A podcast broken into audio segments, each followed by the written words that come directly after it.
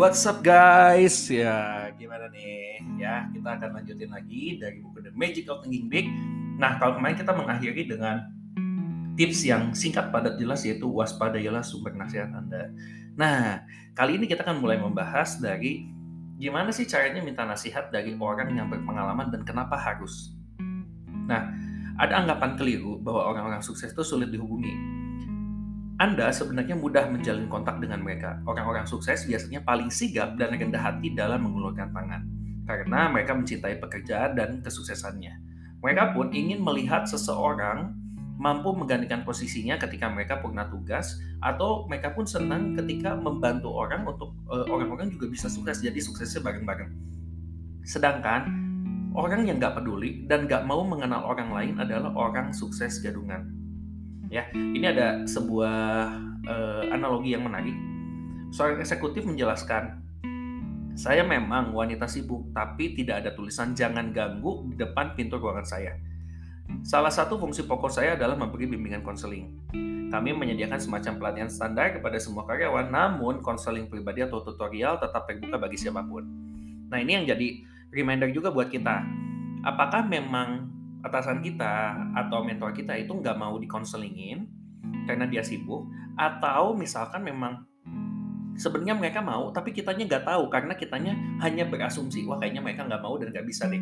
Tapi itu baik asumsi bukan kenyataan sesungguhnya karena kita nggak pernah nanya gitu.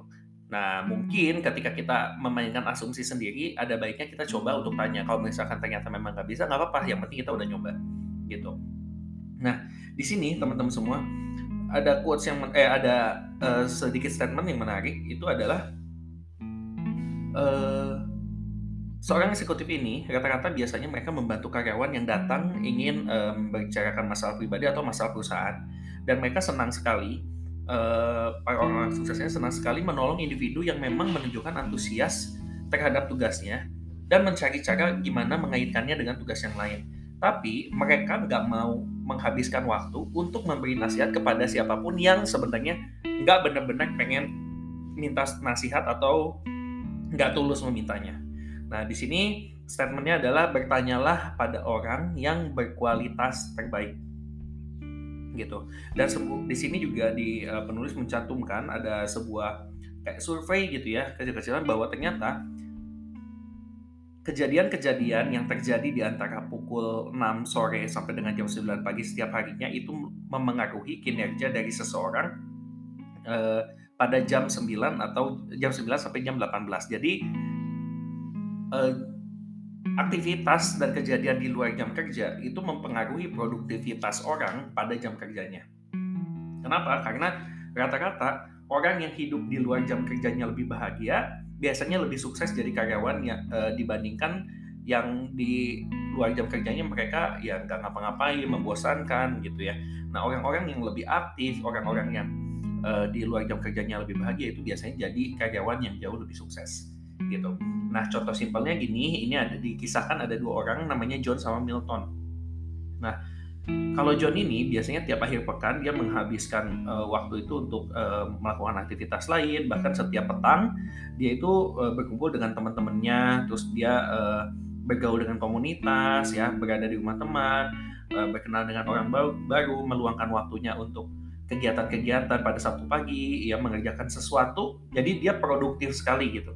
Nah dan biasanya kalau di weekend ini John ini sama keluarga itu melakukan sesuatu yang unik gitu ya atau ya cari uh, pengalaman baru dan menghabiskan waktu bersama gitu. Dan di sini uh, sedangkan untuk Milton ini berbeda. Kenapa? Karena untuk Milton itu dia biasanya kalau nyampe uh, rumah itu dia ya kadang di hari weekday itu dia cuma nanya ke isinya nanti kita uh, mau ke mana nih malam ini? Atau kita mau ngapain nih malam ini? Ada aktivitas apa yang mau kita lakukan? gitu ya tapi ternyata itu hanya sekedar pertanyaan dan gak pernah terrealisasi gitu. Nah Milton dan istrinya ini jarang menghibur diri dan jarang keluar rumah. Biasanya pada weekend dia bangun siang, menghabiskan hari itu ya tanpa mengerjakan apa pun. Ya biasanya paling cuman ya nonton TV gitu ya. Nah dia biasanya menghabiskan waktu dengan tidur gitu ya pada hari minggunya juga gitu. Dan biasanya eh, apa yang dia lakukan ini monoton rekan-rekan. Nah kenapa? Jadi kalau dilihat John ini aktivitasnya dikemas dan direncanakan dengan baik. Ia banyak melakukan aktivitas untuk menyegarkan dan mengusir kebosanan. Nah, John memperoleh banyak penyegaran psikologis. Nah, ini tips juga buat teman-teman semua uh, kita bukan hanya nge-planning bikin rencana kerja harian itu untuk kerjanya aja, tapi untuk jadwal-jadwal uh, weekend kita, oke okay, jam segini sampai jam segini atau hari ini ada waktu sama keluarga, itu silakan direncanakan gitu. Jadi kita tahu nggak yang uh, eh hari ini mau ngapain ya, jadi bukan bukan yang uh, baru ditentukan pada saat itu gitu. Tapi kalau kita bisa rencanakan itu jauh lebih bagus gitu. Nah, kenapa kalau Milton ini jadi lebih membosankan? Karena dia aktivitasnya gitu aja, gitu-gitu aja gitu ya. Jadi istilahnya dalam dua kisah ini eh, perbedaan asupan pikiran itu dikonsum yang dikonsumsi keduanya itu berpengaruh banget eh, terhadap psikologisnya mereka dan berpengaruh terhadap kinerjanya mereka gitu dan isti istilahnya adalah ya tiap petani jagung pun tahu betul eh, bahwa dia harus sering-sering memupuk ladang jika ingin memanen banyak jagung. Jadi kita pun harus memberi asupan bagi benak kita jika kita ingin merasih hal yang lebih baik. Dan asupannya bukan yang gitu-gitu aja, tapi asupannya cobalah cari kegiatan-kegiatan yang mungkin bisa uh, memberikan experience baru atau experience yang berbeda sehingga kita jauh lebih fresh dan ide kita untuk kita jauh lebih kreatif, pikiran kita jauh lebih terbuka, kita ini uh, bisa ketemu banyak orang juga dan itu merangsang pikiran kita untuk kita bisa jadi lebih produktif juga. Nah, dan di sini yang penting juga adalah bahwa dengan kita bertemu sama orang-orang baru, melakukan aktivitas baru, ketemu sama komunitas-komunitas yang baru, ini membangun lingkungan sosial yang berkualitas. Nah, di sini beberapa hal sederhana yang harus Anda lakukan demi membangun lingkungan sosial berkualitas adalah yang pertama, berkumpul dengan kelompok-kelompok baru. Kejemuan dan ketidakpuasan akan muncul jika Anda membatasi lingkungan sosial pada sekelompok kecil orang saja. Camkan, Program sukses Anda memerlukan keahlian memahami orang lain. Jika Anda mencoba mempelajari perilaku orang lain dengan berkecimpung dalam kelompok kecil, Anda bagai mencoba menguasai matematika hanya dengan membaca satu buku tipis. Gitu. Nah, nggak bisa gitu. Jadinya kita ya memang harus uh, ketemu sama kelompok-kelompok yang lainnya.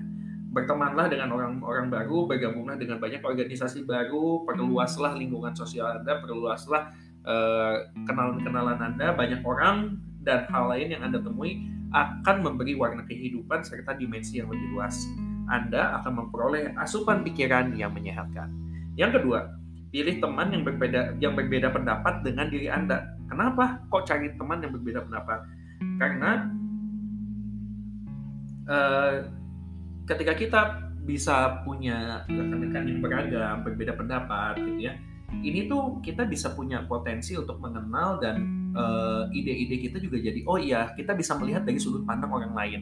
Bukan hanya dari sudut pandang oh ya udah sama sih gitu ya. Enggak tapi karena kita oh berbeda oh ternyata ada kemungkinan seperti ini. Dan ini bisa membuat kita merangsang ide-ide kita untuk jadi lebih kreatif dan kita bisa mengembangkannya jauh lebih baik lagi sehingga itu bisa jadi lebih produktif. Yang ketiga pilih teman yang berpikiran maju dan positif Pilih teman yang tertarik pada hal-hal positif, yaitu orang yang ingin menyaksikan Anda meraih kesuksesan. Temukan sahabat yang mendorong Anda agar berani sehingga Anda bisa merencanakan ide Anda. Jika Anda tidak menemukan orang seperti itu dan malah memilih orang yang berpikir picik sebagai sahabat, perlahan Anda juga akan menjadi pemikir yang picik. Makanya di sini disarankan uh, pintar-pintarlah dalam mencari uh, rekan gitu ya, dalam mencari teman gitu. Nah di sini teman-teman dilanjutkan bahwa penulis mengisahkan gitu ya bahwa kita sendiri ini adalah bangsa yang peduli yang akan racun, tepatnya racun makanan. Nah, kenapa sih dibahas mengenai racun? Karena gini, istilahnya eh, orang-orang ya itu takut gitu kalau misalkan orang uh, misal pemilik-pemilik restoran atau yang jasanya di food gitu itu takut orang-orang yang mengkonsumsi itu keracunan sehingga akibatnya nanti orang nggak mau uh, berkunjung lagi. Nah, terus apa hubungannya racun makanan ini sama tadi tuh lingkungan? Nah, intinya gini, teman-teman kita pribadi aja diri kalau di makanan ya kita pasti menghindari yang namanya hal-hal yang beracun itu kita hindari. Tapi teman-teman tanpa sadar lingkungan sosial ini banyak juga yang jadinya toksik. Ya kalau di TikTok kan sekarang lagi banyak banget uh, uh, ada lagu yang toxic toxic gitu ya toxic friend. Nah itu ada yang gitu. Tapi teman-teman di sini maksudnya kita secara naluri kalau untuk food itu untuk asupan ke dalam diri kita kita memilih gitu. Tapi tanpa sadar ketika kita berada di lingkungan yang sebenarnya toksik juga ini tuh berbahaya gitu karena kitanya kadang nggak sadar. Nah biasanya toksik apa sih yang sebenarnya sangat jelas? Nah yang biasanya itu adalah uh, racun yang dinamakan dengan nama gosip. Nah, ini racun pikiran ini berbahaya karena mempengaruhi benak kita, bukan tubuh kita, dan lebih tersamar karena kadang kita nggak sadar. Umumnya, nah di sini umumnya orang keracunan pikiran tidak pernah menyadari. Nah, racun pikiran memang tersamar, tapi ini bisa menghambat hal-hal besar yang bisa kita lakukan. Racun pikiran mengurangi besarnya cara berpikir kita dengan memaksa kita memikirkan hal-hal yang sepele. Jadi yang harusnya kita pikirkan untuk hal-hal besar malah kita alihkan ke hal-hal yang sepele gitu. Jadi di sini disampaikan kadang gitu kita pas lagi ngobrol sama orang itu tuh uh, ngebuat kita tuh jadi uh, tanpa sadar ya uh, karena arah pembicaraannya jadi ngomongin orang gitu kita malah jadi cenderung ngomongin hal-hal yang negatif gitu kan uh, itu tuh ngebuat ngebuat kita juga jadi asupannya tanpa sadar itu negatif gitu nah makanya di sini uh, cobalah ketika kita berbicara kalau mau ngomongin orang tuh boleh tapi ngomongin yang bagus-bagus ya gitu jangan yang uh, ngobrolin yang negatif. Nggak semua percakapan itu gosip, gitu ya. Tapi gini teman-teman, ketika kita ngomongin gosip, gosip, gosip, gosip itu tuh malah jadinya cenderung ke arah negatif. Tapi ketika kita membicarakan hal yang baik, kita merasa kita untuk melihat orang lain itu dari sisi positif dan kita juga memaksa kita untuk berpikir, oh ya ini orang adalah orang-orang yang positif karena kita memberikan feedback yang positif positif juga gitu. Itu berkesinambungan. Nah di sini uh, saya pernah mendapatkan quotes ya bagus banget sih uh, small people talk about other people. Average people talk about things. Great people talk about ideas gitu ya. Jadi orang-orang ya di sini small people itu biasanya kalau ketemu ngobrolin ngobrolin orang. Kalau average people itu katakan ketika ketemu ngobrolin barang, ngobrolin hal-hal gitu uh, yang mungkin terjadi atau misalkan uh, segala sesuatu yang terjadi gitu. Tapi kalau orang-orang great people ya ketika mereka bertemu mereka uh, memikirkan hal-hal yang mungkin terjadi, ide-ide yang bisa uh, dikeluarkan, yang bisa dilakukan gitu. Nah di sini ini ada beberapa tes nih. Apakah kita ternyata cenderung selama ini penggosip? Yang pertama, apakah saya selalu menyebarkan gosip tentang orang lain? Yang kedua, apakah saya selalu memiliki topik percakapan yang positif tentang orang lain? Yang ketiga, apakah saya senang mendengar berita skandal? Yang keempat, apakah saya menilai orang lain hanya berdasarkan fakta? Yang kelima, apakah saya mendorong orang lain untuk menceritakan gosip-gosipnya? Yang keenam, apakah saya mendahului percakapan saya dengan berujar jangan bilang siapa-siapa? Ketujuh, apakah saya menyembunyikan informasi yang bersifat rahasia? Apakah saya merasa bersalah jika menggunjingkan orang lain? Jika menjawab ya, ya Anda adalah salah satu penggosip. Nah, di sini maksudnya bukan ngejudge ya, tapi teman-teman renungkanlah hal berikut. Uh, dengan itu seperti tadi dan kita menyadari ketika kita berbicara oh iya jadinya nggak nyaman gitu ya nah mungkin kita bisa mulai berubah secara perlahan gitu ini ya istilahnya gini lah teman-teman. Mengucapkan perkataan kasar atau misalkan hal yang buruk kepada orang lain atau tentang orang lain itu nggak akan membuat diri kita tampil lebih baik. Wah ini bagus banget nih. Mengucapkan perkataan kasar atau perkataan yang tidak baik kepada orang lain atau tentang orang lain tidak akan membuat kita tampil lebih baik gitu ya gunakanlah kualitas yang baik. Ini merupakan aturan wajib yang Anda ikuti dalam segala hal ya. Nah, di sini teman-teman kualitasnya kan tadi udah ada lingkungan berkualitas gitu ya, obrolan-obrolannya juga yang berkualitas. Dan ternyata di sini bukan hanya obrolan dan lingkungan, tapi kualitas juga harus dibangun mulai dari eh, kita menggunakan eh, hal-hal sesuatu atau menggunakan barang itu adalah barang-barang yang berkualitas. Kenapa? Karena banyak banget orang yang sebenarnya pengen untung tapi jadi buntung. Kenapa? Karena ya mereka wah gue beli barang yang ini aja barang yang ini uh, harganya lebih murah jauh gitu ya.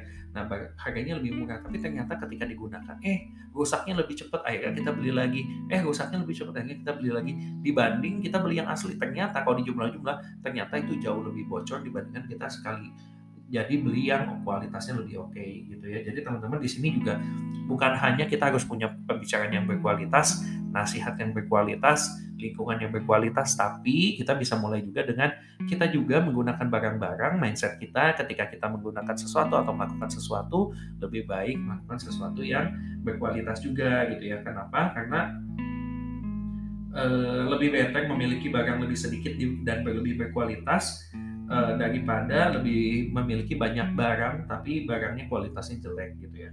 Jadi intinya contohnya kayaknya di sini lebih baik Anda memiliki sepasang sepatu berkualitas tinggi daripada mempunyai tiga pasang sepatu berkualitas rendah gitu. Ya, nah teman-teman, di sini uh, ada saran-saran nih ya sebagai penutup kita di bab ini. Ciptakan lingkungan yang menyukseskan Anda. Ini ada beberapa tipsnya. Yang pertama, sadar tentang lingkungan, seperti asupan makanan membentuk tubuh Anda, begitu pula asupan pikiran membentuk pola pikir Anda. Yang kedua, buat lingkungan Anda bekerja bagi Anda, bukan melawan Anda. Jangan biarkan kekuatan supresif orang-orang yang menebar aura negatif membuat Anda merasa kalah, ya, negator. Lalu yang ketiga, jangan membiarkan orang-orang picik menghambat Anda. Orang yang iri ingin menyaksikan Anda terperosok. Jangan biarkan mereka puas melihat kegagalan Anda. Yang keempat, mintalah nasihat pada orang-orang sukses. Jangan ambil resiko dengan meminta nasihat pada penasihat paruh waktu yang hidupnya bernoda kegagalan. Ya, teman-teman mungkin kalau ini kan interpretasi saya, biar teman-teman nanti lebih jelas lagi, jangan lupa beli buku The Magic of Thinking Big ya. Lalu, dapatkan banyak penyegaran psikologis, berkumpullah dengan kelompok-kelompok yang baru, temukan pendukung semangat yang baru. Yang keenam, buanglah jauh-jauh racun pikiran dari lingkungan Anda, hindari gosip ya Oke, berbicara or, uh, tentang orang lain uh, lewat sisi positifnya. Yang ke ketujuh, pilihlah hanya kualitas terbaik ketika Anda melakukan apa pun. Nah, teman-teman, dengan ini sudah berakhir untuk bab 7 kita yang membahas mengenai kelola lingkungan Anda dan gunakan kualitas terbaik. Nah, kita akan melanjutkan ke bab 8 yaitu mengenai bersekutu dengan sikap Anda tentu saja di podcast berikutnya. Terima kasih teman-teman semua, selamat menunjukkan aktivitas dan selamat siang.